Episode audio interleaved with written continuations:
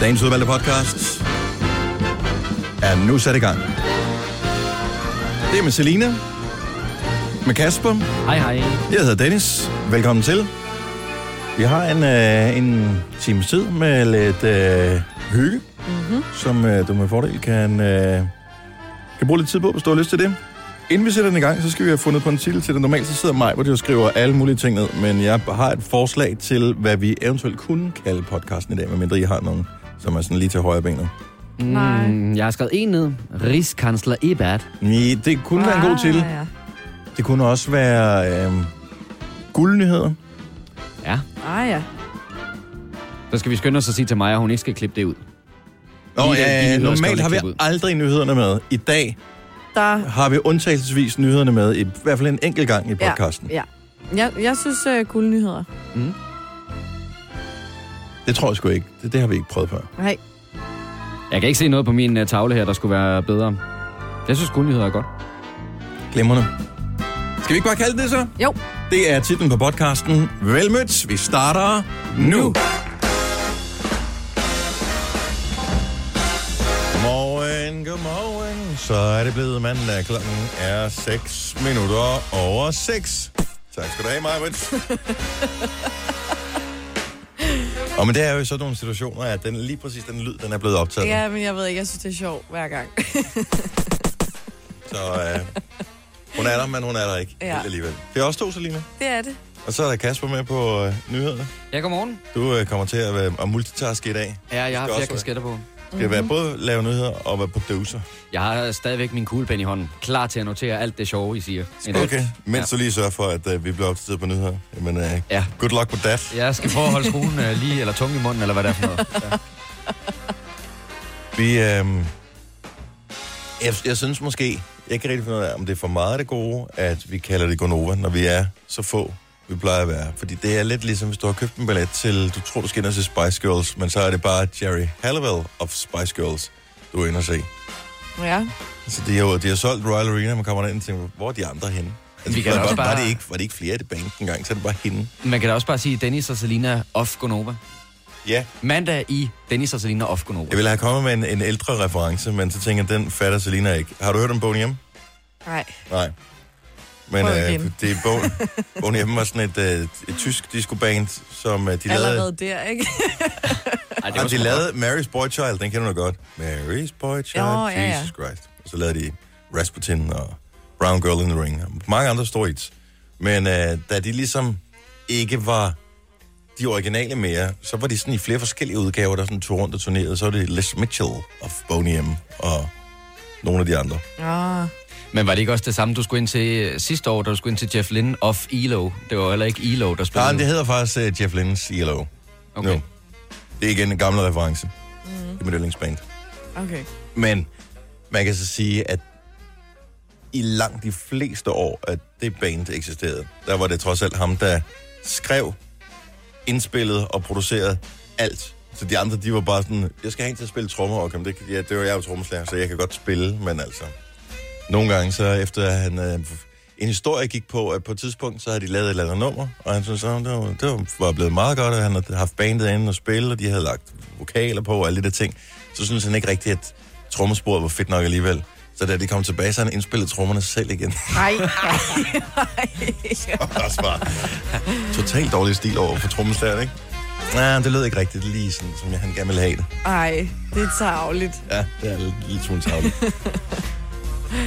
Nå, men øh, vi, øh, vi skal jo sidde her, Selina, Det skal vi. og hygge, men øh, jeg var da lidt nervøs for at komme her til morgen, fordi at, øh, du er jo allerede begyndt at møde dig ind på radioen her. Jeg hørte dig i går aftes. Åh, du Ikke så meget. du ikke vil. Jeg lovede, jeg ikke ville høre det, men øh, så kom jeg til at høre det alligevel. Kom Bare til. lige, ja, jeg har hørt, jeg har hørt dig kun lige sige noget en enkelt gang. Okay, fair nok. Så det var din første soloudsendelse. Ja. Hvordan gik det? Hvordan synes du selv, det gik? Mm, jeg synes, det er gået fint nok. Altså, Ja. man skal jo Hørte du starte... det selv?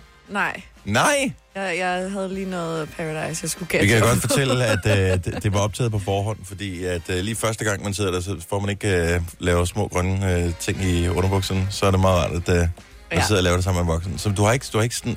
Altså, jeg ville jo have optaget det, og så have gået rundt og hørt det derhjemme. Ja.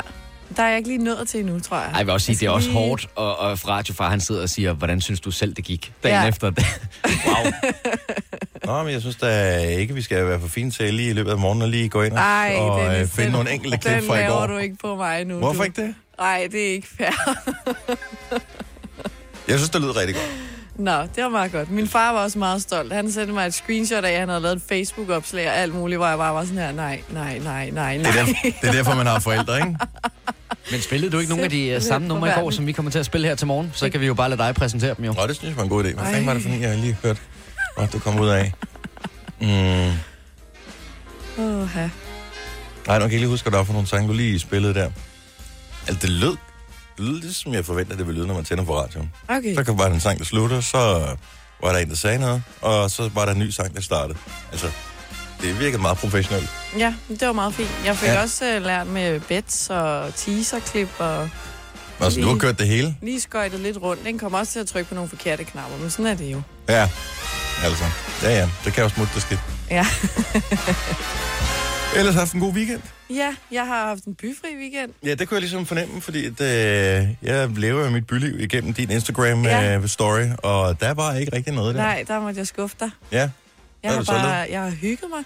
Og så har jeg brugt meget tid på at stresse lidt over en bums, jeg har fået sådan lige op over læben, som så er blevet krasset til et sår nu, så det er ja jamen, det var godt, men det var også, det var den proces, den skal igennem. Sådan Ja. egentlig. Så det, ja. Det er Men- sådan set det. Er det ikke også fordi, at, og det kan vi også tale om, nej, det kan vi godt lige nå her. Er det ikke også fordi, at hvis man har en bums, man ikke rører ved, mm. som så bliver sådan, øh, sådan den flasher og siger, hey, her er jeg, mm. så virker det faktisk lidt mere som om, man er uinteresseret i sit eget udseende, end hvis man har krasset hul på den, og man virkelig kan se den. Jo, Altså, så virker det lidt mere som om, at du er et bedre menneske, hvis du har krasset hul på den. jo. det kan man godt. Sådan havde jeg ikke tænkt på det, men det er faktisk rigtigt nok. Fordi ellers er det bare sten, der laster til. Ja, ja. Det kan man Fordi, nej, de der små øh, hvide, man skal prikke dem, selvom at det er dumt. Fordi de bliver grimme af det. Ja, det tager bare længere tid, tror jeg. Ja, ja, så Men- man laver altid det der tricket med tandpastaen og sove med det, ikke? Gør man det? Det har jeg aldrig gjort. Men øh, jeg synes ikke, det virker. Og så lige under næsen der, ikke? Så er der jo noget sådan noget, så skal du nyse hele tiden, så det... Ja, det var ikke så smart. Men nu er det mandag, og nu skal vi nok klare den alligevel. Yes. Da han vågner op og kommer i gang, sang lige her, det er fra en ung fyr, som øh, nogle af de unge damer sad og sukkede højligt over, da vi havde redaktionsmøde i fredags. Og øh, lad os bare spille en sang med ham, og så lad det få, få det ud af systemet. Han hedder Sean Mendes. I can't write one song that's not about you. Can't drink without thinking about you. Is it too late to tell you that everything means nothing if I can't have you? I'm in Toronto and I got this view, but I might as well be in a hotel room. Yeah, it doesn't matter cause I'm so consumed, spending all my nights reading texts from you. Oh, I'm good at keeping my distance. I know that you're the feeling I'm missing. You know that I hate to admit it, but everything means nothing if I can't have you. I can't write one song that's not about you. Can't drink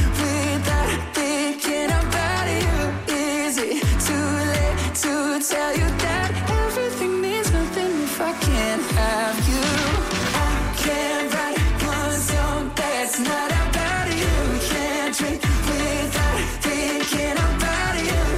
Is it too late to tell you that everything means nothing if I can't have you?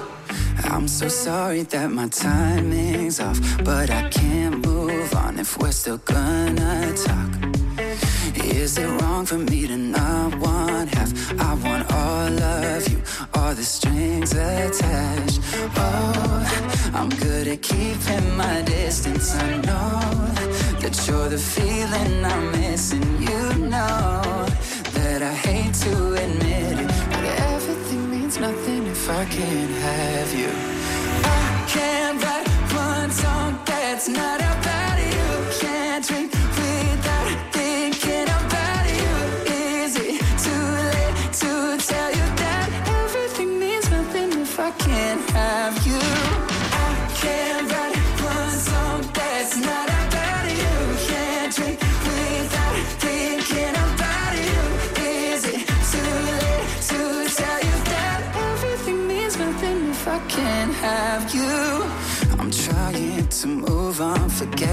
But I hold on. Everything means nothing, everything means nothing, babe. I'm trying to move on, forget you, but I hold on. Everything means nothing if I can't have you. now. I can't write one song that's not about you. Can't drink without thinking about you. Is it too late to tell you that everything means nothing if I can't have you?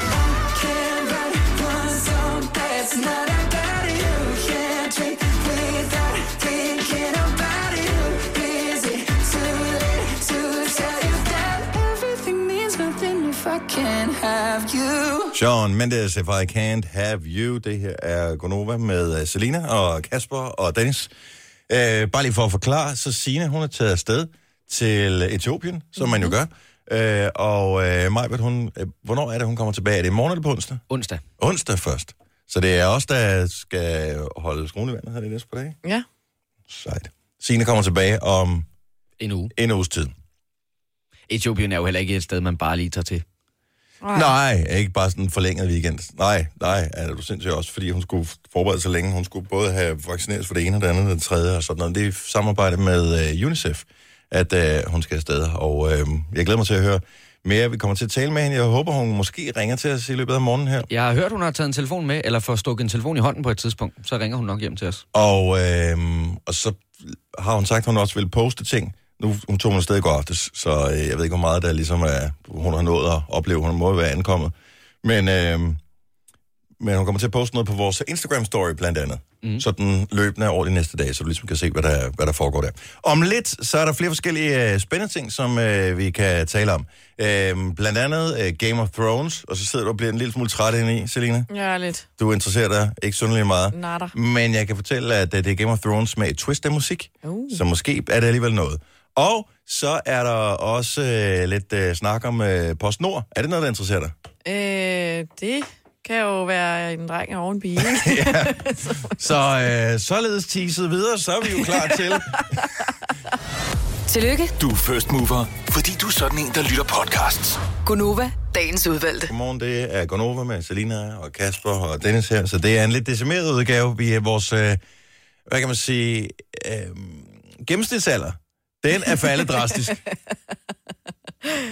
Det er jo altid noget. Det regnestykke tænker jeg lige, vi skal lave om et lille øjeblik. Mm. Hvor meget foryngelse har vi fået ud af, at uh, de to alderspræsidenter på holdet, de ikke er her længere? Mm. Er der også noget, man vil kunne mærke i radioen med de ting, vi kommer til at tale om? Jamen, at det bliver noget med fresh. Det er som, uh, siger man det stadigvæk? Ja, det kan du godt sige. Det kan man godt sige. Det bliver noget med fresh, det vi ikke kommer til at, at lave. Har du været tidlig op, Kasper, at se Game of Thrones? Fordi uh, afsnit nummer uh, 4 er det for sæson 8. Er- Kommer det ikke i dag? Er det kommet? Jeg tror, ja, det må være kommet, for det er jo klokken 3 i USA om natten. Hvis... Nej, det er 3 i Danmark, for det passer med. Ja. Okay, så du det kunne godt have stået tidligere op. Set afsnittet, taget herind. Ja, men det har jeg ikke gjort. Jeg lader vente. Du ser det ikke, Silje. Nej. Som, og du, bliver, du er faktisk lidt... Øh, er du sur over, at folk ser det? Eller? Nej, jeg er ikke sur over det. Jeg, det interesserer mig bare ikke. Jeg må indrømme, at hele den... for- Jeg, jeg så jo øh, sæson 1, 2, 3, 4 og næsten 5 også, mm. øhm, da jeg lå med dårlig ryg. Eller det vil sige, noget af det så jeg i stående position, noget kunne jeg sidde og se, noget kunne jeg ligge i sengen og se på iPad'en. Øhm, så jeg, jeg har set rimelig meget, men jeg gået lidt død. Jeg har ikke set noget den sidste uges tid af Game Nej. of Thrones, så jeg er en lille smule øh, bagud med det her. Men en af de ting, som... Øh, altså, det interesserer mig stadigvæk. Mm. Og øh, noget af det, de bliver ved med at, at tale om, det er Winter is Coming. Ja. ja, den har jeg hørt før. Yes, godt så. Og derfor giver det meget god mening, øh, det som jeg lige kommer til at spille, der er noget, jeg fandt på, øh, på Facebook her forleden dag. Der er nogle, øh, en person, nogle personer, der har haft for meget tid. De har siddet og kigget, jeg ved ikke, hvor mange afsnit af Game of Thrones igennem. Så har de fundet ordene, der passer perfekt ind på Vanilla Ice med Ice Ice Baby.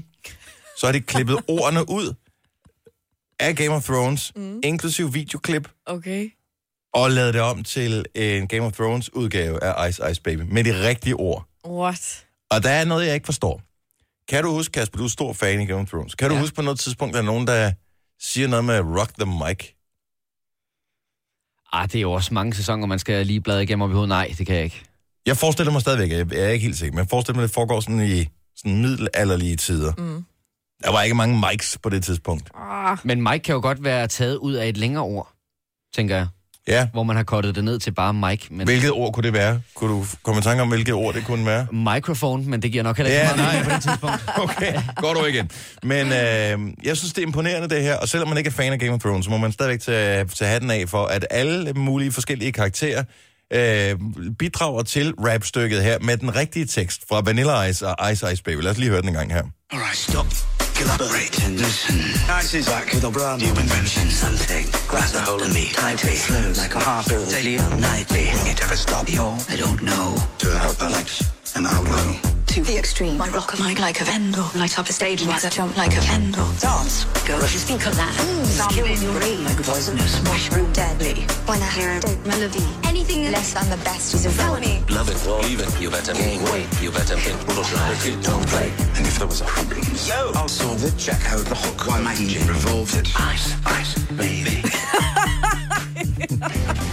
ice, ice, baby. Ikke Word to your mother. Ice, ice. Word to your mother. det er sgu da rimelig fresh. Ej, hvor er det grineren. Jeg synes, det er vildt godt lavet. Og hans stemme passer perfekt i starten, ikke? Sådan lidt lummer. Åh, oh, så kommer... øh, Hvad er det, han hedder, ham der døde kongen der? The uh, White Walker King. Hvad, hvad hedder han? Uh, the, The Night, King. King. The Night King.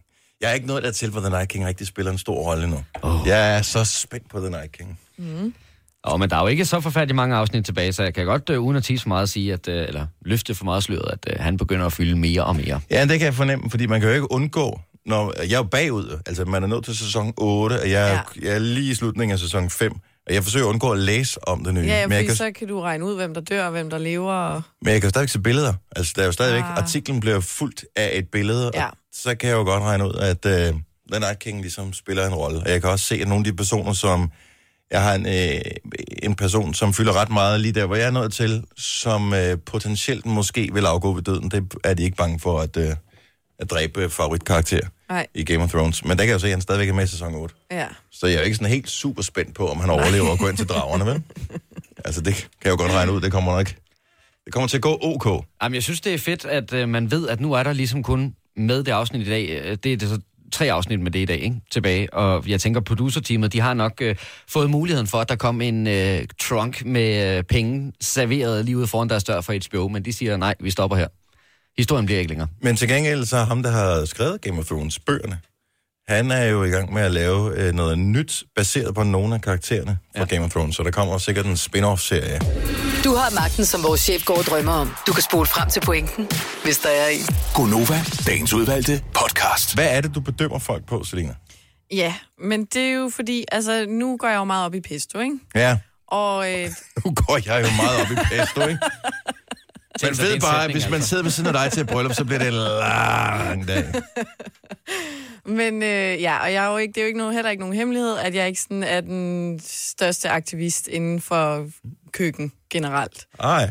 Men der er noget, jeg går meget op i, i sådan andres køkkener, og mit eget for den sags skyld. Ja. Og det er salt. Ja, det er, det er en relativt billig hobby, kan man sige. Ja. Man kan vel få et kilo til omkring 3-4 kroner. ja, men det er fordi, jeg går meget op i, hvad for noget salt folk har. Fordi Ah, at jeg går okay. meget op i min salt selv, fordi jeg elsker salt og bruger måske lidt for meget af det, ikke? Okay, nu bliver jeg så spørge, at, så at når du går op i det, er det, ser du ned på folk, som har det forkerte salt? Ja, lidt. Det er, jeg ved godt, det er lidt meget forkert, men det kan jeg ikke lade være med. Jeg glæder mig til lige at fuck med din uh, hjerne lige om et lille øjeblik, fordi jeg læste noget omkring salt her forleden dag. Jeg ved ikke, hvorfor jeg læste noget om salt, men det gjorde jeg. Men hvorfor noget salt skal man have, hvis man skal, hvis man skal bedømmes godt? Når bedømmes godt. Ja, altså af dig. Ja, øh, jamen så skal det være det der, nu kan jeg ikke huske, hvad det hedder, men det er de der hvide pap, øh, sådan en kasse, hvor det... Der har du lige beskrevet alt salt. Nej, ja, okay. Men det er det der, det hedder ikke Himalaya-salt, fordi det er det der lyserøde, det er også godt. Mm-hmm. Det, det, det må man meget gerne have. Maldon?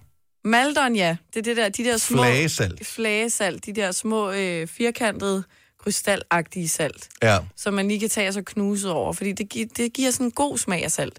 Hvor de der øh, taglige med skruelåg, med de blå skruelåg, hvor det bare er sådan noget pulver, du øh, puffer ud over det hele, ikke? det smager ikke noget. Så skal du nærmest have sådan en halv bøtte på. Det går ikke. Jeg troede jo, salt var salt. Jamen, Indtil det, for få år siden. ja. Og øh, det er det jo dybest set også, for det er jo bare en kemisk forbindelse. ja, Øh, men derfor så kan det jo godt smage mere eller mindre af noget. præcis. Og øh, jeg må indrømme, jeg køber også, og det er jo totalt idiotisk. Jeg køber også øh, det der Maldon salt. Mm-hmm. Øh, fordi det er lækkert til at komme oven på mad, for eksempel. Ja. Og også i nogle ting. Men hvis man øh, nu eksempelvis, nu laver du ikke meget mad, så det kan jeg jo godt forstå, at så holder salt længe, ikke? Men det er, det er også derfor, jeg skal have luksussalt for lige at spiffe alt det færdige halløj, jeg køber Men det er stadigvæk, det, det hvad koster det 30 kroner eller 40 kroner eller sådan noget for et, hvad er der i? Så 200 gram. Ja. Altså, man beder også om at blive snydt, ikke? Men, og så, så står man lige og skal koge noget pasta, så skal, skal lige noget salt i der. Så putter du nærmest for 5 kroner salt ned i den der gryde der. Det er jo for sindssygt. Det Ja. koster nærmest mere end pastaen. Jamen, du prøver da ikke flagesalt ned i, hvis du bare skal lave saltvand til en gang. Det gør pasta. jeg. Hvor mange slags salt gider man have stående?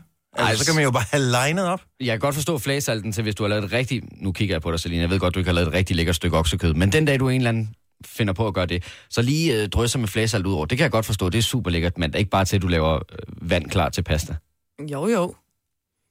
Det hele. Hun er fra Nordsjælland. Selvfølgelig bruger hun flagesalt til hvad som helst. Ikke? Det kan jeg godt finde på at dømme dig ud fra, vil jeg sige. Men jeg troede bare, salt var salt, fordi igen, det er en kemisk forbindelse. Men øh, så læste jeg, jeg skal til at dele artikler med dig, for jeg læste også sådan en øh, test af pesto her forleden dag. Ej, det vil du også have sat pris på, fordi at, øh, de testede så ikke vores tos favoritpesto, men de testede en anden og højt, som... Øh, men nu kan jeg ikke huske, at der vandt i den der test. Det er noget lort. Men jeg læste noget med salt, mm. og øh, der er noget, fordi salt smager åbenbart, øh, så er der noget salt smager lidt mere af salt end noget andet salt, og øh, derfor så er det ikke ligegyldigt, hvorfor noget man bruger til, hvorfor noget. Nej, det er jo det. Men når du nu sidder og laver Instagram-billeder af din mad, så er det jo klart, så flagesalt ser flottest ud. Ah, det er klart. Men det er med noget kedeligt noget at gå op i. Altså pesto og salt. Ja.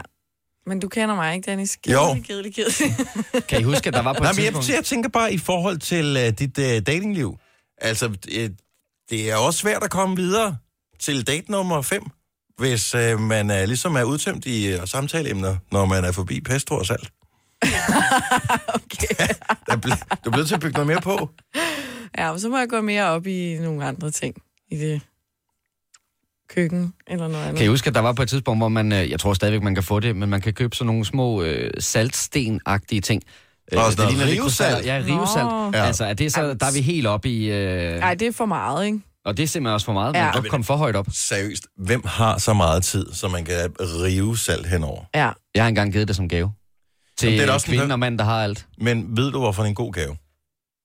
Og hvad, om I hvad for noget? Ved du, hvorfor at det der rivesalt er en god gave? Nej. Prisen. Det er kun prisen, der gør det en god gave. Nå, fordi det er dyrt. Ja, fordi det er lige præcis. Det er så dyrt, så man godt ved, at det er dyrt, men det er stadigvæk så billigt, som det er inden for de fleste gavebudget.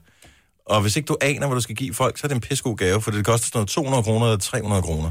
Så hvis du skal til et eller andet, og du tænker, de har alt. De har både de har gasgrillen, de har øh, campingvognen, de har øh, alt i elektroniske dimser, og hvad fanden skal man give dem? Rivsalt.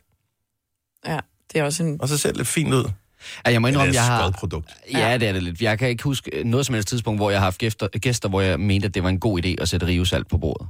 Ej, Det, det kan jeg faktisk ikke rigtigt. Men det ser smart ud at have stående i køkkenet. men det tager jo også 100 år, ikke? Det er jo ligesom, hvis der er altså, parmesan på bordet, ikke?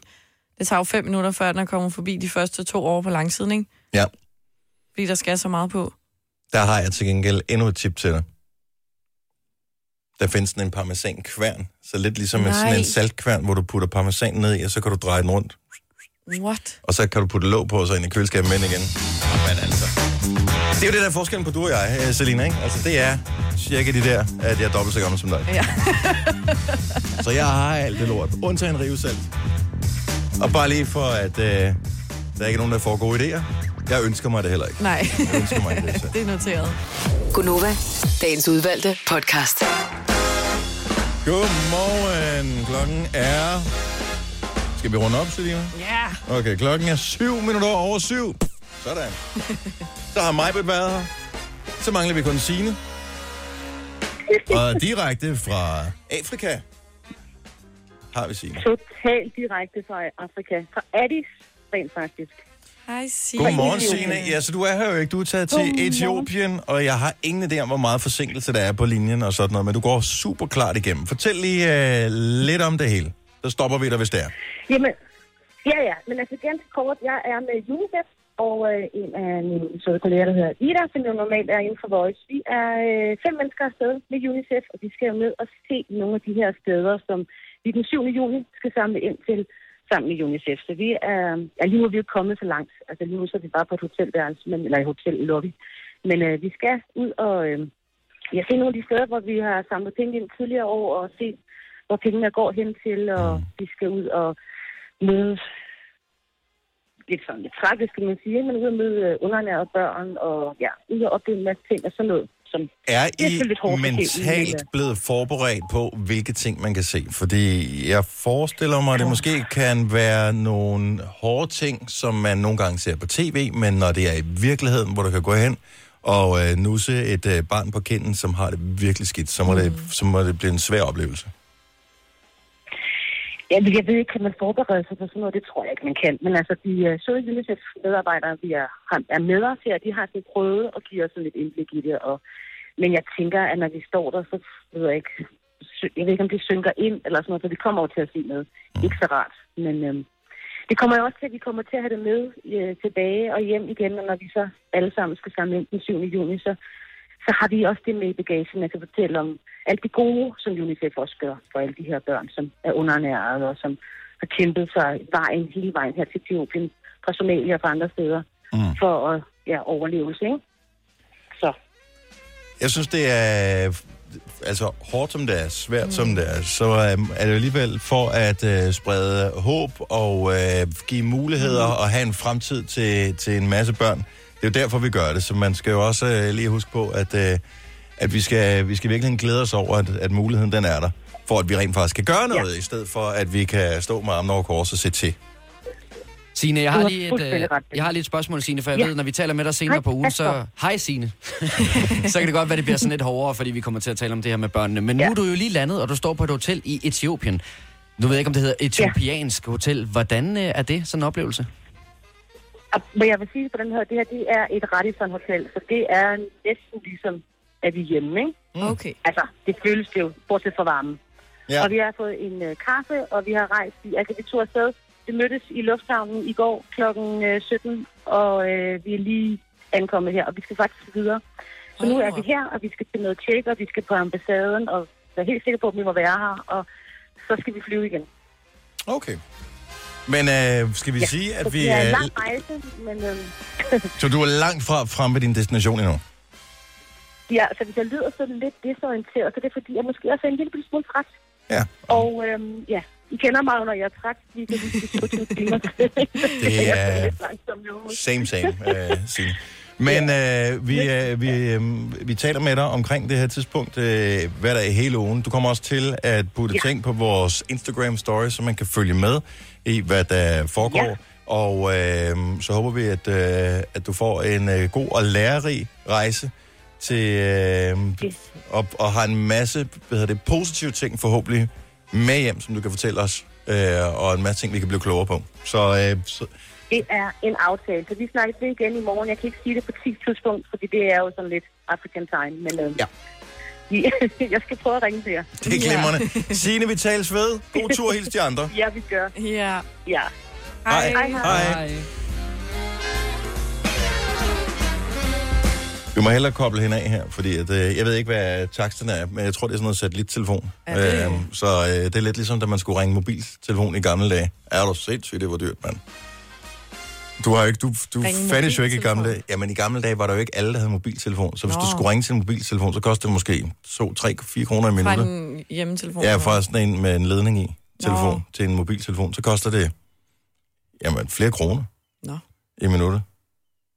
Og hvis du skulle ringe mobiltelefon til mobiltelefon, så kunne du godt finde det store checkhæfte frem. Gud. Og når jeg siger checkhæfte, så mener jeg checkhæfte, sig. Øh, ikke, hedder det, Selina? Et stykke papir, man skrev beløb ned på. Mm, og Har du, indkasseret. har du nogensinde prøvet det? Har du Nej. nogensinde fået en check? Nej, Kæft, men det er det er sjovt. spændende. Det er som om, en gang så troede jeg, at det var fordi, hvis det var noget over et vist beløb, så kunne man kun bruge tjek. Ja. Men, Men- Men, ja. Men nej. Jeg har aldrig haft checkhæfte. Øhm, jeg kunne godt have fået et. Jeg magtede det ikke rigtigt. Nej, det er lidt besværligt, ikke? Altså, jeg kan huske, da jeg fik min første konto, min før, altså, da man er de der, hvad ved jeg, altså sådan en, øh, nej. Du ved, den der konto, man, øh, er, det sådan, når man er blevet konfirmeret-agtigt, ah, så, så, Ah, ja. altså det er første gang, man sådan rigtig har penge, mm. som man skal have adgang til, så får man en konto, så fik man sådan en lille bitte hæfte, har du også haft det, Kasper? Ja. Hvor man sådan øh, skulle skrive posteringerne ned, så hvis man øh, nu, altså man havde ikke noget kort til, Nej. du skulle gå ind i banken med din bankbog, og så skulle du øh, hæve ting, og så, men senere fik jeg så et kort, og så skulle man skrive ned, nu har jeg hævet 100 kroner, så skulle man lige skrive ned, så nu er saldoen sådan og sådan. Det gjorde den ikke automatisk. Nå. Men jeg kan huske, det der, jeg synes, der var meget fedt ved checkhæfter og sådan noget, det er, det er jo en af de eneste muligheder, man har for at skrive store tal i bogstaver. Så 100 kroner og sådan noget. Ja. Og hvis det var, så skulle man dele det op i det der. Mm. Og det gør man jo aldrig ellers. Nej, Skrive tal med bogstaver. nej. Det er da også fjollet. Ja, man men øh, det gav meget god mening, bare ligesom at være helt sikker på, hvor mange nuller der var. Ja, ja, så der man skrev 100, og så var der en, der ikke bare lige kunne gå ind, og så lige tegne ekstra nul på. Men jeg har fået en check på 1000 kroner. Nej, det har du ikke, kammerat. Der ja. står 100 med bogstaver dernede. Nå, fanden så også. 13 minutter over syv. Jeg har et spørgsmål. Ja. Hvorfor er det, at man skal have sådan en pixiebog vedhæftet sin t-shirt med anvisninger i... Jeg ved ikke, hvad fanden det står på den. Prøv at se, jeg har den her t-shirt. Det er en helt fuldstændig simpel t-shirt, ikke? Ja, mørkeblå t-shirt. Hvorfor skal der være sådan en pixiebog vedhæftet hernede? Ah. Med alt det her. Nu slår jeg den med mikrofonen. hvorfor, hvorfor skal den være der på? Ah, Hvad står der på den der? alt muligt. Made in... Da, da, da, da, da, da. Så er der vaskeanvisninger på otte forskellige sprog. Der er også noget på kinesisk. Noget... Jamen, det er så dumt med de der mærker der. Fordi det eneste, du har brug for at vide, det er bare, hvad skal du vaske den på, for at det ikke går i stykker, ikke? Ja, yeah. altså Fordi- det er en... Det er bare en t-shirt. Men er der ikke også sådan en lille, der er sådan en lille strip, hvor der er en, en billede af en saks, og så her skal du klippe, for du har alligevel tænkt dig at klippe den af, formentlig. Jeg klipper altid mine af, og så når jeg skal, står og skal vaske et eller andet, som er i noget finere materiale, og min mor spørger, hvad, øh, hvad det er lavet, eller hvad den skal vaskes på, så det ved jeg ikke, fordi jeg, jeg har klippet det af. Ja, 40 grader, eller 30 grader, hvad man nu vasker på. Uldvask plejer jeg bare safe. Uld? Ja. Og jeg har ikke noget... Altså, hvis ikke det kan komme i vaskemaskinen med 40 grader, så ejer jeg det ikke. Det gider jeg simpelthen ikke. Mit liv er bare for kort til, at jeg skal stå og kigge på noget. Det skal være... Der er, der er tre muligheder. Enten så er det kulørt, eller så er det mørkt, eller så er det hvidt. Det er det. Og så kan det i hvert fald som minimum klare 40 grader. Så ved man godt, at undertøj skal lidt mere, øhm, og den slags. Men ellers ikke. Nå, der er da meget, der skal have 30 grader, synes jeg. Tror du virkelig, Men at... du går heller tror ikke du, i sådan noget øh, silke og chiffon og alt muligt hejs, vel? Ikke så meget chiffon. Øhm, Er det ikke det, det hedder? Det er Jeg ved ikke, hvad det hedder, det der. Jeg tror, det er, er det ikke... Anyway. Så hvis du har de her jeans her på, ikke? Som er sådan nogle... Altså, det skal se sådan forvasket ud i Ja. forvejen. Det er ligesom det, der... Hvad tror du, at de vil... Tror du, der vil være forskel på? Der står 30 grader. Mm. Hvad tror du, der sker, hvis man putter dem i ved 40 grader? Tror du så, at det går de i stykker? Eller? Nej, der sker ikke noget. Nok ikke.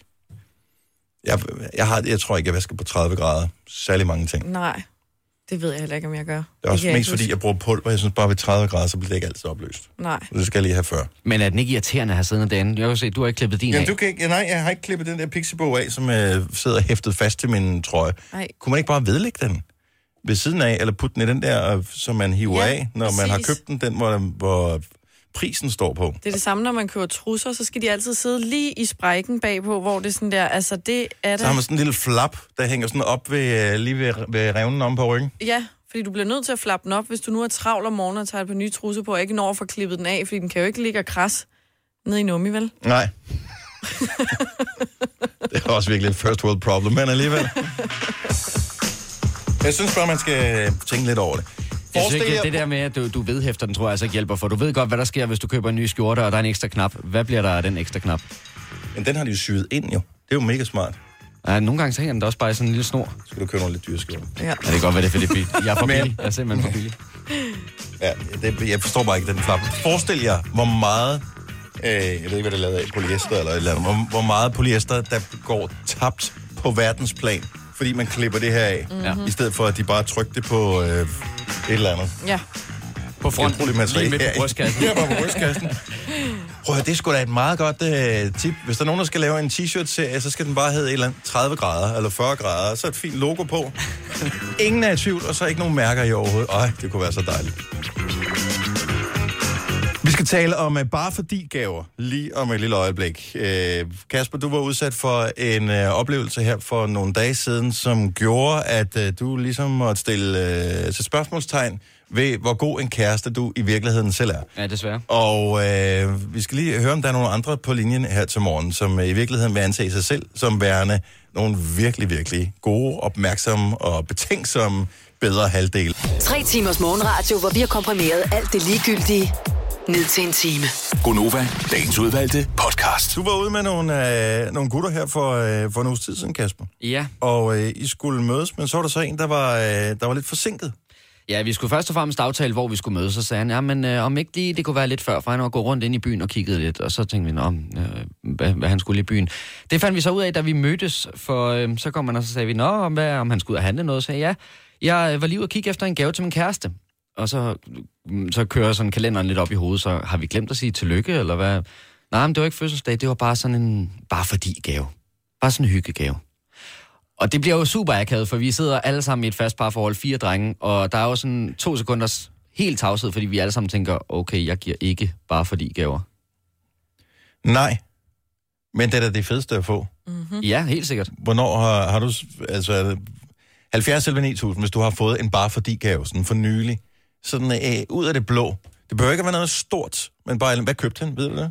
Ja, men jeg tror faktisk, at grunden til, at han skulle, vi skulle mødes lidt tidligere, var, at han ikke havde fundet en bare fordi gave. Men det er også det der, hvad skal det være, og hvor dyr er en bare fordi gave? Og, altså, blomster, er det bare en bare fordi gave? Eller? Skal der være en, der var ikke nogen speciel anledning overhovedet. Der var ikke noget med, at han havde glemt at gøre et eller andet, så derfor så skulle han lige gyde lidt olie på Nej, vandene. det, det, det tror jeg ikke, men jeg kunne også godt forestille mig, nu kender jeg ham jo ret indgående, jeg kunne godt forestille mig, at han er typen til en bare fordi gave. Så man er en bestemt type, hvis Ah, man er ja. den slags, Det er man. som køber bare fordi gaver. Jeg er jo ked af, at jeg måtte indrømme, at jeg nok ikke er en bare fordi Men gave. modtager du nogle gange bare fordi gaver?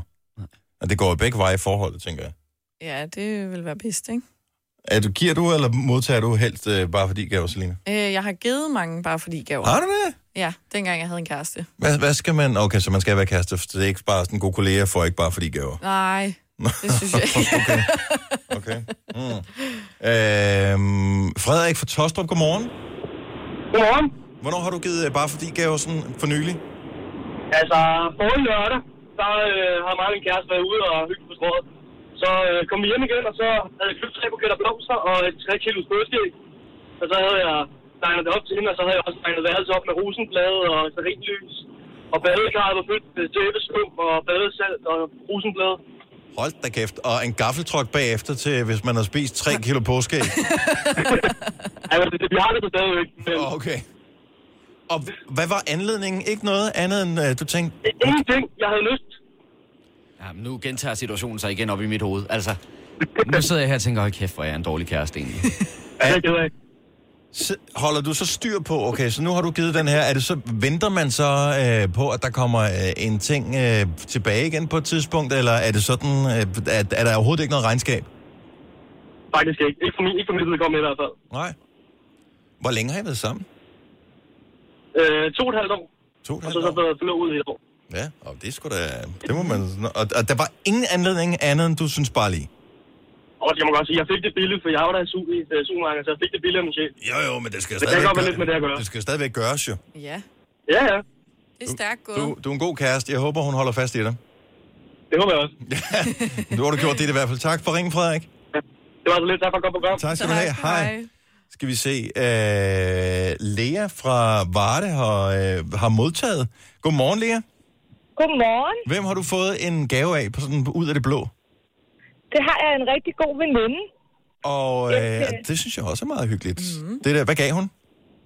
Hun har givet mig, øh, eller vi skal så sammen ind og se øh, en, øh, et foredrag øh, med Bryd Tabuet om at være mor mm-hmm. oppe i Skanderborg med hende på Instagram, der har en profil, der hedder mig og min Tinder baby. Den skal jeg følge. Hvad, hvad, går, en, hvad går en Tinder-baby ud på? Er det en, en baby, der er trænet i at swipe, eller hvad? øh, det går ud på, at, øh, at hun har, det har været et forhold på Tinder, og så blev hun gravid. Ah, okay. Øhm, så, så hele foredraget handler egentlig om det her med at bryde tabet med at være mor, alle de her ting, som, som folk måske ikke går rundt og siger, at de gør. Mm. Øh, og nu skal jeg nemlig selv være mor her til september, så det var en øh, perfekt gave jo. Jeg synes, det er så hyggeligt. At går I sådan og giver hinanden gaver en gang imellem, eller, eller, eller kom det lidt som overraskelse, at din veninde, hun gav dig en gave? Altså, jeg gør det utroligt tit. Øh, inviterer dem øh, på overraskelsesture, og ja, sådan lidt forskelligt med, hvem det nu lige er, og kan også godt lide at komme med en blomst i ny og næ, eller et eller andet. Nej, var det hyggeligt. Ja, jeg synes... Men, øh, Så det er ikke jo, store ting. Det er ikke sådan, at man får en, øh, en Ford Mustang eller eller andet. Altså, det er sådan det, det, ting, der gør en øh, lige lidt gladere i hverdagen. ja, altså, ja. Og når man sådan, hvis man går forbi en eller anden butik og tænker, ej, det minder mig om hende, eller det minder mig om ham, eller et eller andet, så, så kan jeg også godt finde på at købe det, bare fordi, at det, ja, en bare fordi gave. Jeg synes, det er så fint. Lea, tak for ringet, og øh, god fornøjelse Ja, med tak, foredrag og pøj på med baby. Tak skal du have, og øh, tak for at komme program. Tak skal du have. Tak. Hej. Hej. Skal vi se, uh, Pia fra Ringsted er også med på telefon. Godmorgen, Pia. Ja, godmorgen Du til får, jer. du får mange sådan nogle gaver bare tilfældigt. Ja, det gør jeg. Altså, jeg er snot hammerne forkælet, men den sidste, den sidste, den var sjov. Hvem var, hvem, hvem, øh, hvem var giveren? Det er min kæreste. Ja. Og hvad fik du? Og så skulle jeg til frisøren. Han vidste godt, at jeg skulle til frisøren en eller anden dag kl. 9, og jeg står dernede fem minutter i 9. Og to minutter i 9, så kommer der en glad mand springende ind ad døren. Ved du hvad, skat, du sætter dig bare i stolen, og ved du hvad, frisør, du gør lige, hvad hun beder om, og hun køber bare de produkter, der skal til, og så mobile jeg dig, når du ringer. Kan du have en god dag, skat? Hej, og så var han ude af døren igen. Ej, det er sjovt. Hvor langt trækker man den så, Pia? Fordi nu har du jo jeg- fået en jeg skulle blankocheck. Ja, jeg skulle både have det permanente og fem forskellige produkter, og den fik fuld skrue. Det blev for tusind. Er du sindssygt, men det havde været billigt at give dig en Mustang. ja, det er lige før. Det var dejligt. Men ellers er det blomster og en tur til et eller andet, eller en negle, eller ansigt, eller sådan nogle. Tag en tur, skat. Ej, var det skønt. Ja, Der er masser af kærlighed derude. Så? Ja, tak Pia. God morgen. Ja, Ja, godmorgen til jer. Hej. Hej. Vi tager lige en sidste her. Og den er god, og den er ikke nødvendigvis dyr som sådan. Det er faktisk det er en relativt billig gave, men dyr i tid. Mm. Hanne for Slagelse, godmorgen. Hej, Dennis. Den her bare fordi gave, du har fået, ikke? Ja, Øj, den gad jeg æder med godt have. jeg har både givet en og fået en. Ja. Altså, øh, jeg har øh, jeg havde arbejdet sent en dag, og så øh, sagde han, at han havde noget til mig derhjemme, og så tænkte jeg, hvad det var, og så sendte han et billede, og så forstod jeg det ikke.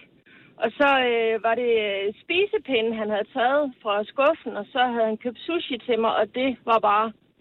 Åh, jeg elsker sushi. Mm. Også mig. Og det var, det var bedre, end den jeg selv havde valgt for nogle, nogle dage siden, hvor jeg var rimelig sur.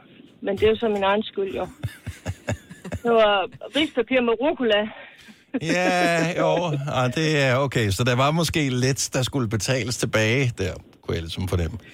Men Ja. du gav din kæreste en gave, som jeg vil elske at få. Nå, ej, er det Var det, rigtigt? var det ikke det? Øh, Jo, jo, jo.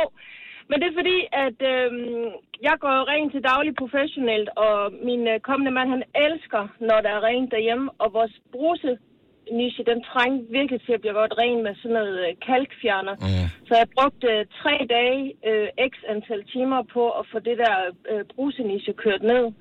Så, øh, ja, og jeg er næsten færdig.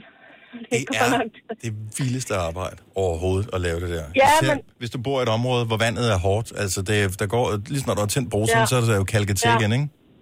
Vi bruger meget krudt på at holde det, når, også når vi har været i bad og sådan noget. Det, det er lidt irriterende, og vi har meget kalk her i Slagelse. Hvad er, så du er næsten efter tre dage færdig med at give et uh, kalkfrit badeværelse? Ja, Er det, altså, er det sådan, du siger, du må ikke gå ud på badeværelset de næste tre dage, skat? Eller hvordan foregår det? nej, nej. Han er, han er soldat, han har været på øvelse over i Oksbøl. Da han så kom hjem, så var det en overraskelse. Ej. Altså, jeg kunne egentlig også godt have købt noget til ham, men jeg går meget op i, at alting skal ikke koste penge, som glæder andre. Nej. Så er det jo bedre, ja. når man kommer hjem efter at have gjort rent en hel dag på arbejde, at man lige uh, tager fat i badeværelset der og holder nu op, mand. Du har Ja. overskud. Hvor er det godt at høre. Hanne, han Ja. skøn morgen. Tak for ringet. Tak, tak for det. Hej, hej. Hej. Nu siger jeg lige noget, så vi nogenlunde smertefrit kan komme videre til næste klip. Det her er Gunova, dagens udvalgte podcast. Nå, vi skal tale om en ting, ganske kort. Vi har ikke sat, jeg har ikke sat så meget tid af til det, fordi jeg, jeg tror ikke på, at der er nogen, der ringer. Men øh, så selve tanken er, at man har et helt almindeligt job. Ligesom de fleste af os har, hvor man har faste arbejdstider, 8-16 eller 9 til 17. eller hvad det nu måtte være, ikke? Ja. Altså, det er helt almindeligt arbejde. Man arbejder mandag til fredag. Og så er det, jeg tror faktisk, det er dig, Kasper, der mm. påstod, at øh, der må være nogen, som, øh, som simpelthen har glemt at gå på arbejde en dag. Det kan, jeg kan ikke forestille mig, det er sket. Er du nogensinde, har du nogensinde glemt at gå på arbejde? Du har lige glemt, at det var en, en dag, du skulle arbejde. 70 eller 9000. Altså et almindeligt arbejde. Ikke sådan noget i hvor man arbejder hvad hedder det, mandag, onsdag, fredag og, og søndag eller et eller andet. Nej, sådan et. Jeg arbejder mandag, tirsdag, onsdag og fredag. Der er der ikke nogen, der glemmer at gå på arbejde. Kender I ikke situationen, at vi sidder her i studiet, og så er der en, der siger, gud, det er jo kun onsdag. Hvor så regnede man med, at det var torsdag, eller måske endda fredag. Og så Jo. jo. tænker jeg, jeg ved godt, at man når jo som regel at fange øh, advarselslamperne, inden at det går galt. Men kan vide, om der ikke på et eller andet tidspunkt er en, der har tænkt, jeg troede, det var søndag, og så var det i virkeligheden mandag, eller jeg troede, at det var øh, lørdag, og så var det kun fredag. så utrolig bevidst om, når det er weekend, hvilke dage det er. Ja. Altså det, det føles helt naturligt for mig, at jeg skal ikke på arbejde i morgen. Men jeg tror Og måske... søndag ved jeg godt, at det er mandag i morgen. Ja, men det kommer måske også an på, hvem du tilbringer tid med. Altså nu har jeg jo mange veninder, der studerer, så de kan jo godt finde på at tage i byen en, en hverdag, eller sådan noget. De skal jo ikke op til noget, fordi de læs- læser til eksamen. Så Men du ved jo måske godt, den hverdag, de tager i byen, at hvis du vælger at tage i byen, så har du stadigvæk et arbejde dagen Ja, ja, efter. præcis. Men det kan jo godt være, at der er nogen, der er lidt mere distræt, ikke? Øhm, for jeg kan sagtens se det der med, at man måske står op en weekend og tager på arbejde. Ja, fordi man har Fordi man er ikke lige helt med på, hvilken dag det er. Øh, Kimi fra Astens, godmorgen. Godmorgen. Seriøst, du glemte at tage på arbejde. Det gjorde jeg. Øh, hvad, hvad, hvad, hvad, altså, du havde almindelig arbejde øh, alle dage, mandag, tirsdag, onsdag, torsdag, fredag. Ja, lige præcis. Jeg arbejder på sådan en kro, hvor jeg ræger øh, sengen op og gør rent til, når gæsterne kommer, og Ja. sådan nogle ting, lidt ligesom et hotel. Mm-hmm. Og så går jeg rundt hjemme i nattøj om morgenen og laver kaffe, du ved, og det er hyggeligt, og tænker, ej, det er dejligt, det er søndag, jeg skal først afsted i morgen, og så bliver jeg så ringet op halvanden time efter, jeg skulle have mødt og bliver spurgt, hvor jeg blev af. Hvor fanden er du henne? Hvilken fornemmelse fik du inde i kroppen der? Men jeg fik mega stress. Altså, jeg var meget forvirret. Jeg tænkte, det, altså, jeg tager en pis på mig, ikke? Altså, det, jeg går rundt her og hygger. Altså, jeg var overbevist om, at det var søndag. Jeg var ikke engang i tvivl, at de ringede. Altså, det er søndag. Det må være jer, der tager fejl, ikke? Men øh, øh, altså, havde du ingen medier tændt eller noget som helst? Man kan jo ikke undgå, altså hvis du tænder for fjernsynet, så tænker du, når man det er Jamen, jeg ejer ikke et fjernsyn, og det er nok lidt der, den ligger. Okay. Øhm, det bruger vi ikke hjemme hos mig. Nej. Nej. Fordi så, ellers vil nej, jeg sige, hvis det- Der var ikke noget, der lige kunne, øh, kunne minde mig om, at, at det var mandag morgen og ikke øh, søndag formiddag, som jeg gik rundt og drømte om. Ej. Så er det jo også ekstra 19, ikke? Jo. Jamen lige præcis, lige præcis. Men, øh, men det gik heldigvis, og de grinede af mig, da jeg mødte hjem, så det er øh, ingen sure miner, heldigvis. Nå, men, øh, og, og du, er, har, du er stadig ansat og sådan noget? ja, ja. Åh, oh, nå, glimrende. Ingen problemer der. Tak skal du have, Kimi. Han god morgen. Camilla fra Haslev øh, har en mor, der har glemt at tage på arbejde. Godmorgen, Camilla. Godmorgen. Hvordan kan din mor glemme at tage på arbejde? Jeg ved det faktisk ikke. Altså, det er, må være, det er mange år siden. Øh, men jeg ved det faktisk ikke, hvorfor hun kunne glemme det. Men de ringede i hvert fald til en mandag, mandag morgen og spurgte, om jeg ikke havde lyst til at tage på arbejde. Ah, så, jeg har ikke lyst til at komme på arbejde en søndag. Og så grinte de lidt af, når man fortalte hende, at det så var blevet mandag morgen. Jeg vidste det, jeg vidste det. Så det er sådan en mandagsting, Hvor er det sjovt. hvor man ikke øh, er med på, at det, det er her, vi er. Benægtelse bare. Ja, Siden dengang, der fik hun kælenavn, der hed Koma. ja. Fordi at, øh, hun ligesom var i koma.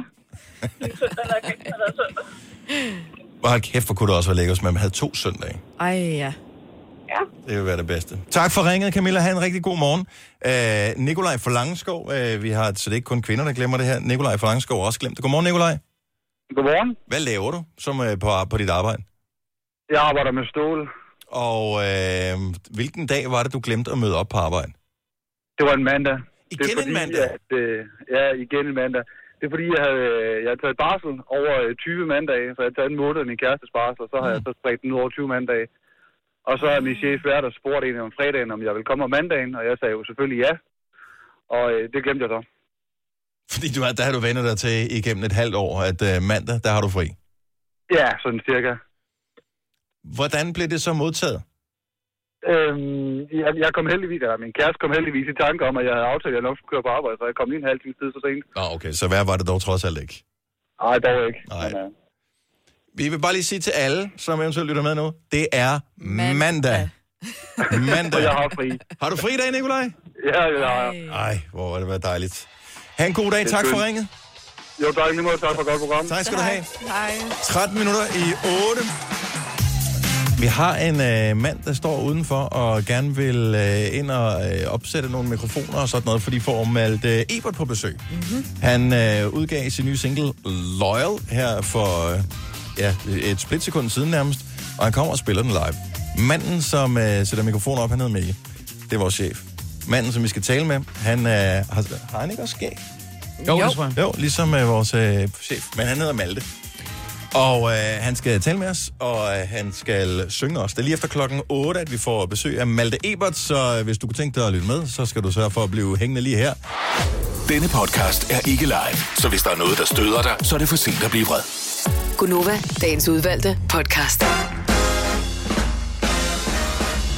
Så er der jazz, og det betyder, at vi springer ind i de sidste 55 minutter af Gonova for en øh, mandag morgen. 6. maj 2019. Selina er her. Kasper sørger for nyhederne. Jeg hedder Dennis. Sene, hun er taget til Etiopien. Mm-hmm. Det er det, vi gør med øh, de mest blonde, vi har på holdet her. Det skulle have været dig, Selina. Ja, Men, øh, den missede jeg lige. ja. Det er også ærgerligt.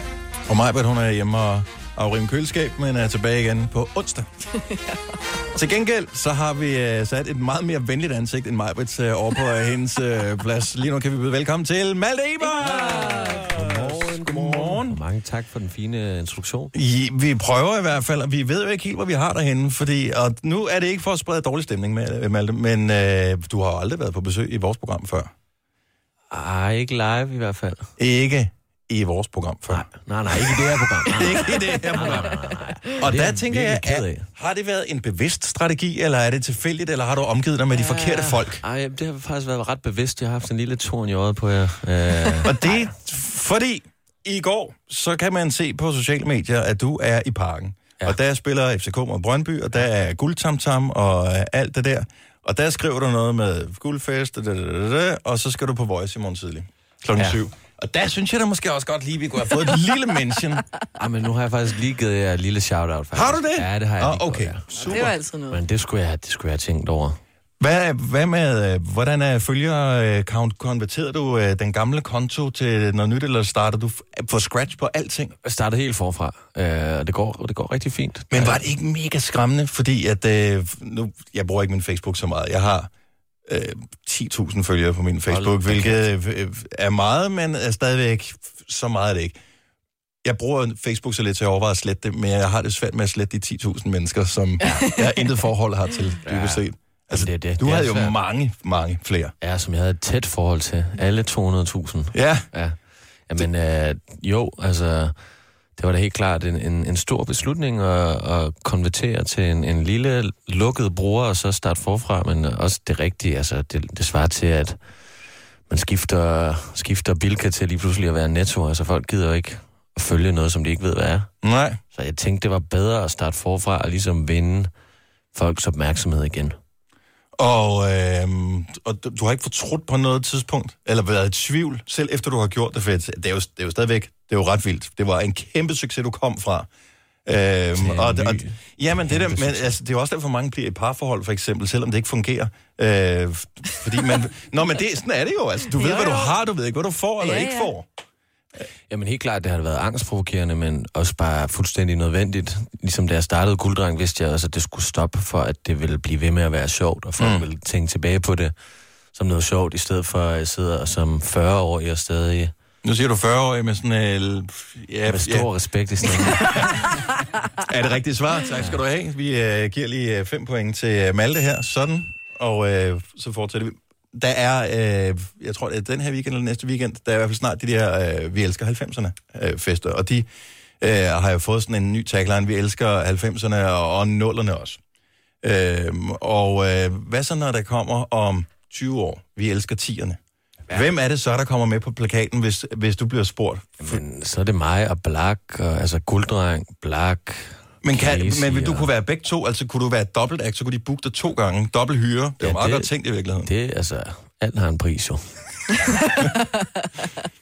Men er der en plan? Altså en, sådan en langsigtet plan? Fordi det virker som om, da du startede, der var der en plan. Der var helt klart en plan med, at, at det skulle starte de her ting, og det skulle gå derud af, og der skulle være en udløbsdato på. Helt klart. Hvad med plan 2? Er, er den lige så gennemtænkt? Jamen, jeg kan sige det så meget, at der er en plan, og en vigtig del af planen er ikke at afsløre planen. Godt så. Okay. Ja. Ja. Mm-hmm.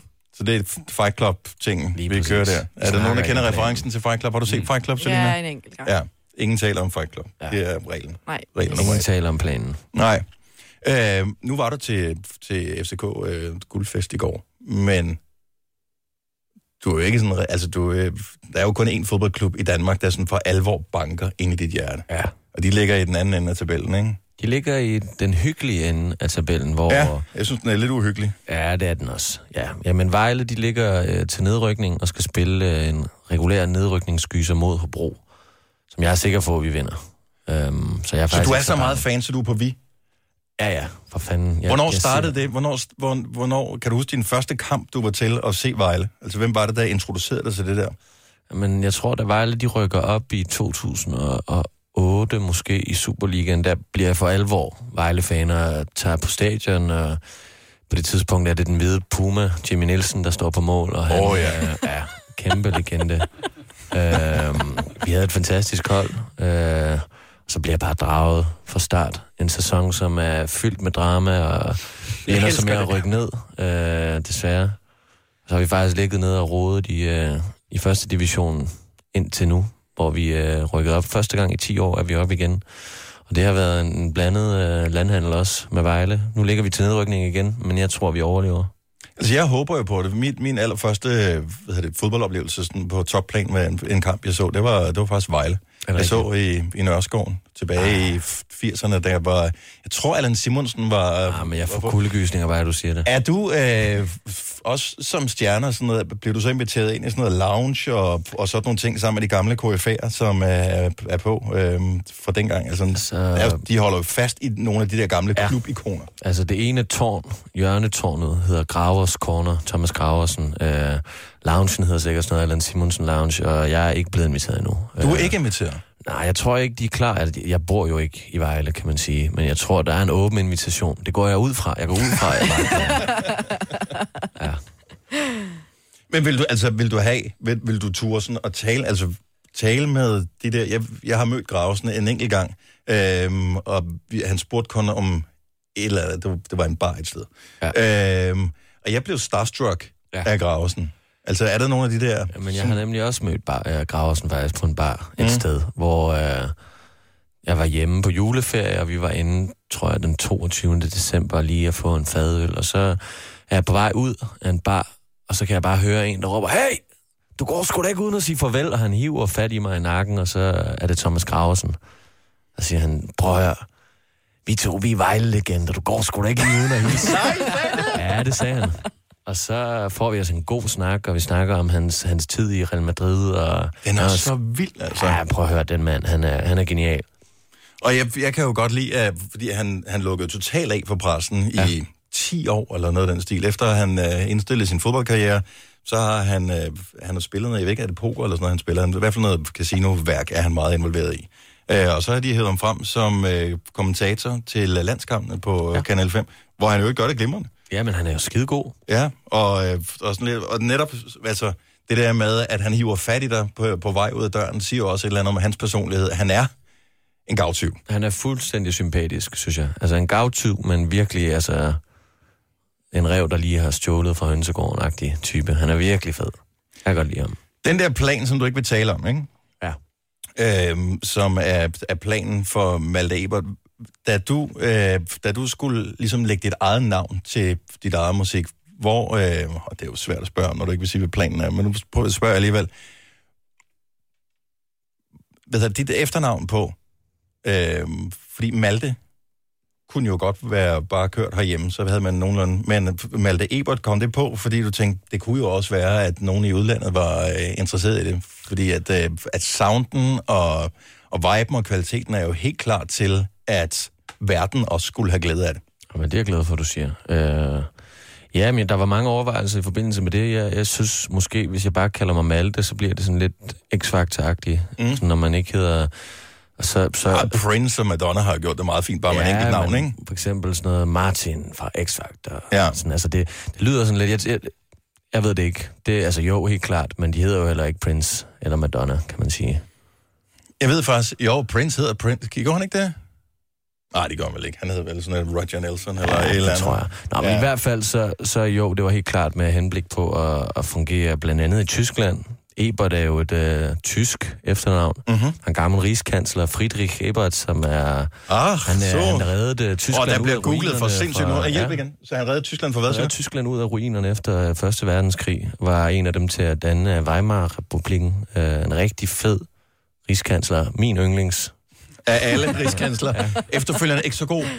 Og fordi han, han, øh, da Hitler han, øh, forsøger at lave det første kupforsøg i 33, tror jeg, nej, det er da han kom til magten. Jeg kan ikke Det må have været 20'erne, da han røg spjældet, ikke? Ja, præcis. Mhm. Mm-hmm. Der er det faktisk Friedrich Ebert, som smider ham i spjældet.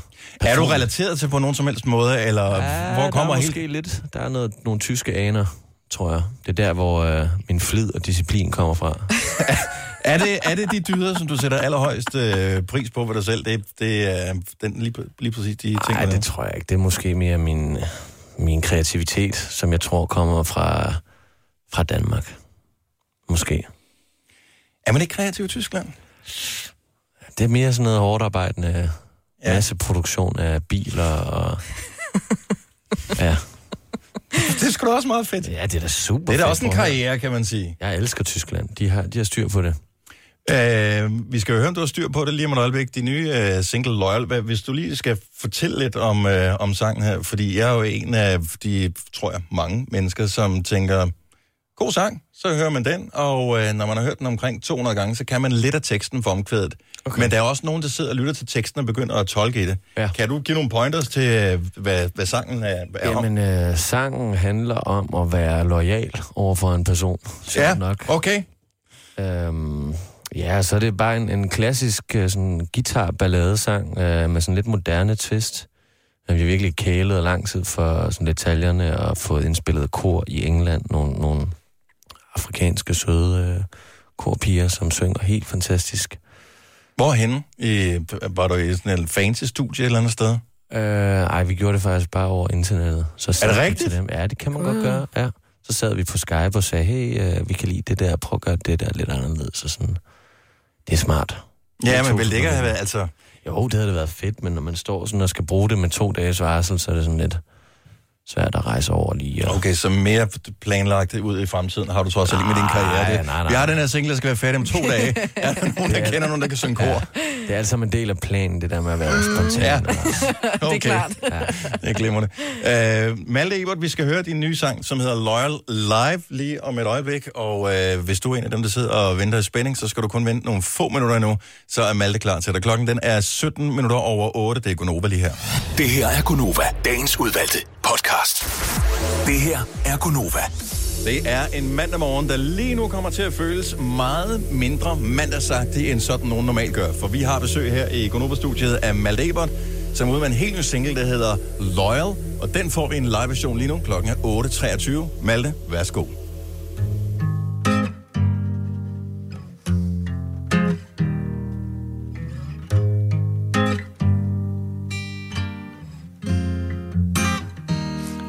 Been loyal to you. Put me last so that you're first. Was your light in the dark. Held you up when my arms hurt. And anything you ever needed, I made sure that you had all of it and more. And even when they all were leaving, I stayed with you when the party high was over. It's taken everything in my soul not to turn the page and let you go. Cause I've been loyal to you, stood by you through whatever, wasted all of my youth. Yeah, I've always been there, yeah. Anything you ever needed, I made sure that you had all of it and more.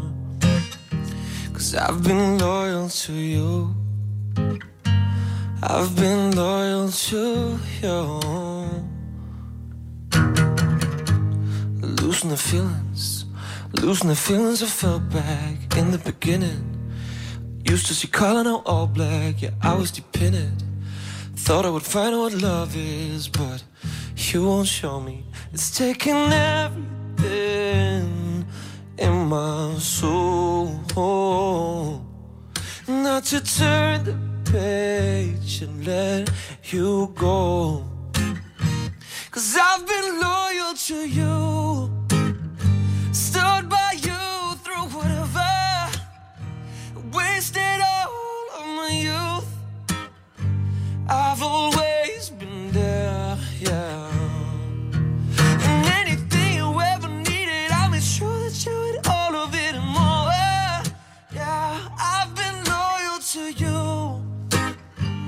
I've been loyal to you.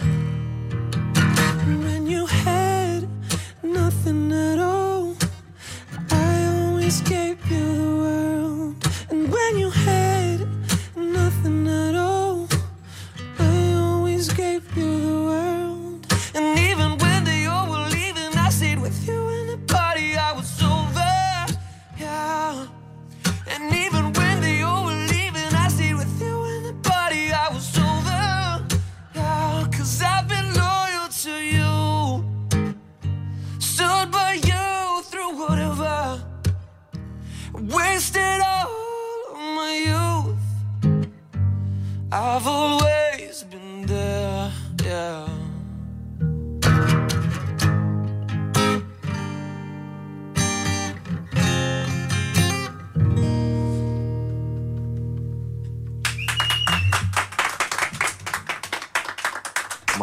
Sådan skal den. Malte Ebert, Loyal, live her i uh, Gonova, og uh, jeg tænker, øh, er han ude af rumklangen derovre?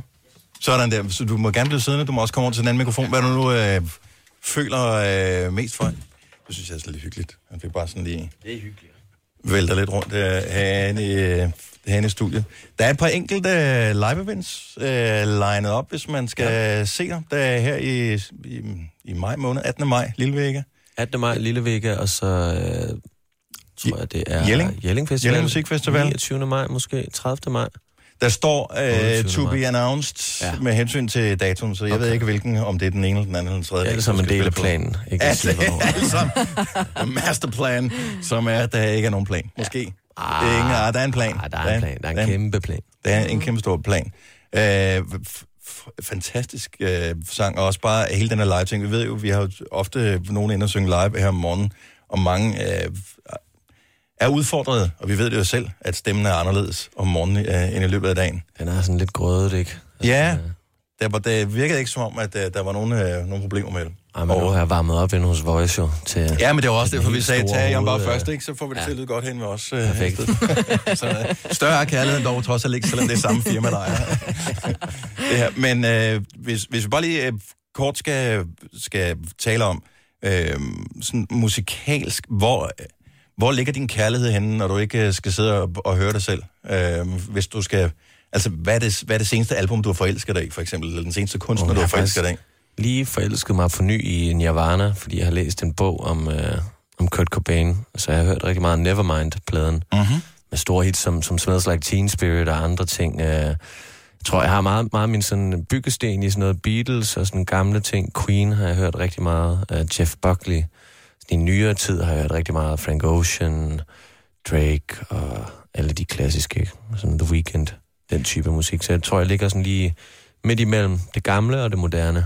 Men hvis, øh, hvis, hvis nu der bliver holdt fest øh, hjemme i øh, Casa Ebert øh, på et tidspunkt, er det, er det dig, der står for playlisten, eller er det, har du nogle kammerater, som siger, at det, det sørger vi for? Altså, fordi der må også være en eller anden vis ærefrygt, når, man, når den i, i slænget, der ligesom er, er popstjerne.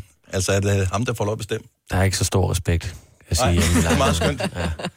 Ej, øh, vi får alle sammen lov at vælge musik, men jeg tror, vi har lidt, lidt samme smag. De fleste af os er der nogen, der måske er lidt mere til rockmusik. Der er jeg ikke helt. Altså, jeg kan rigtig godt lide rockmusik, men jeg er virkelig... Åh, men Nirvana, må jeg sige, det er ret for meget rock, det ikke? er jo rigtig rock, men altså, det, det er ikke fordi, jeg hører det konstant. Men nu har jeg lige, jeg har lige fundet kærligheden til det igen.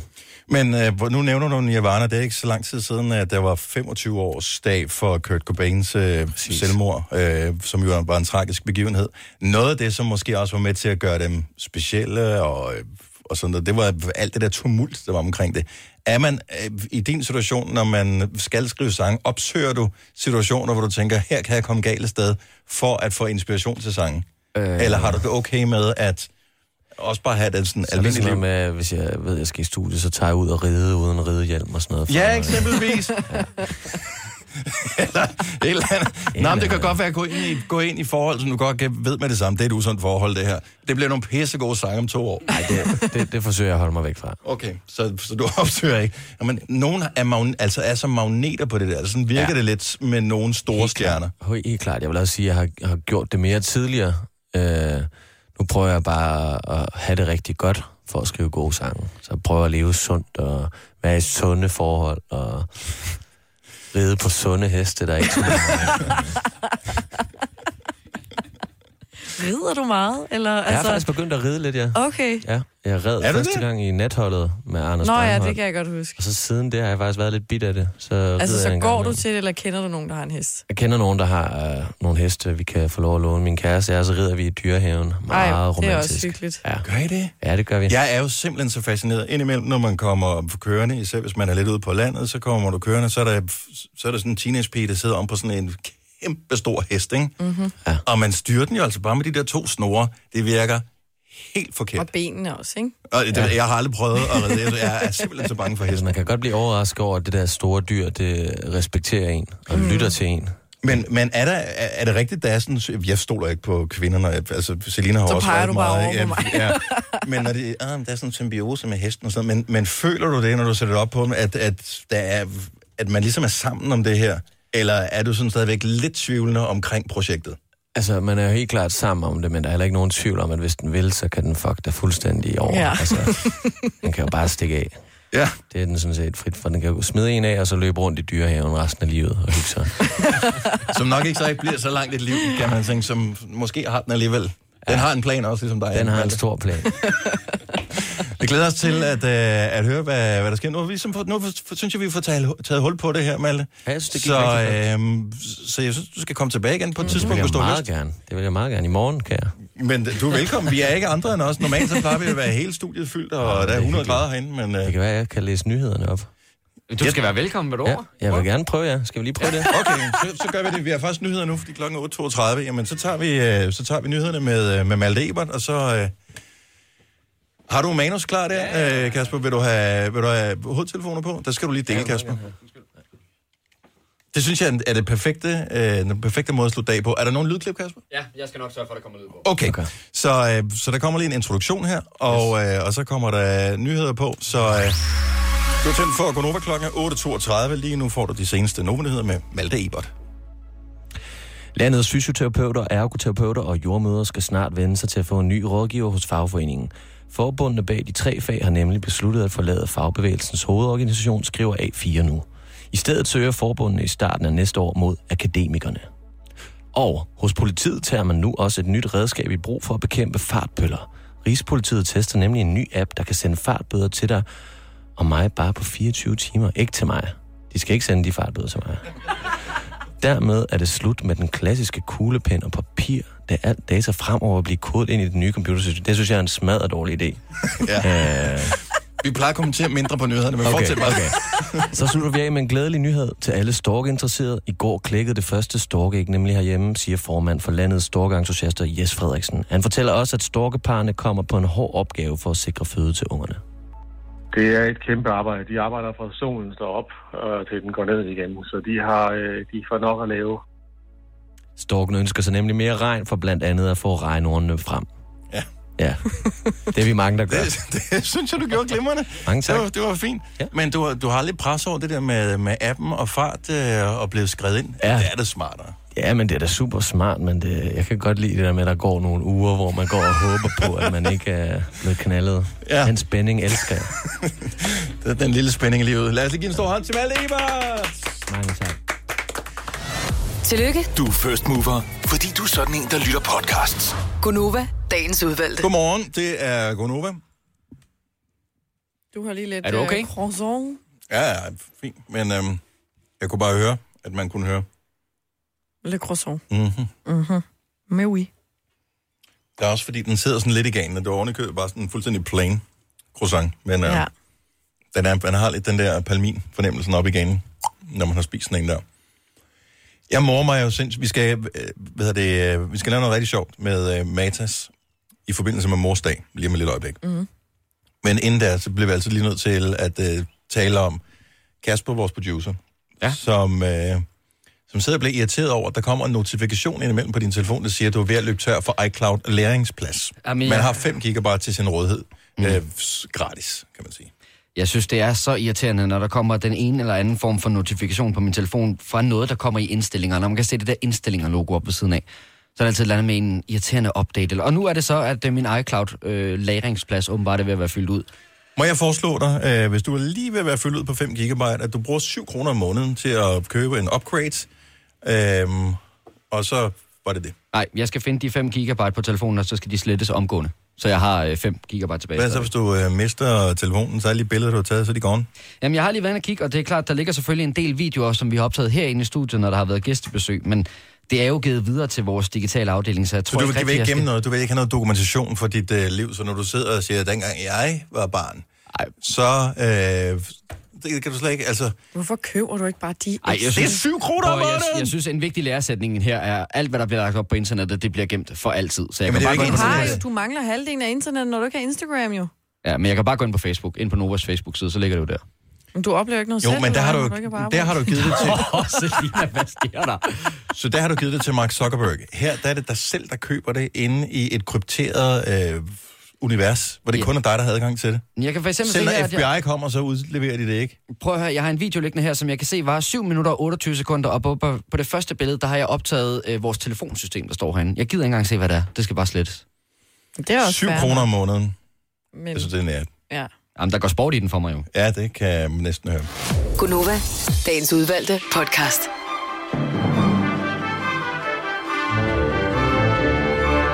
Tusind tak, fordi du lytter med. Det var vores podcast for i dag. Vi sætter stor pris på, at øh, opbakningen er der. Og hvis du er en af dem, der stadig kan prale af, eller påstå at prale af, du har hørt samtlige af vores podcast, så big up to you, my friends. Det er sgu meget sejt. Jeg har ikke engang øh, hørt dem alle sammen. Jeg har ikke engang været med på dem alle sammen. Mm, jeg tror, jeg har... For i hvert fald det sidste år, tror jeg, jeg har hørt dem alle sammen. At, men har du hørt dem efterfølgende, eller...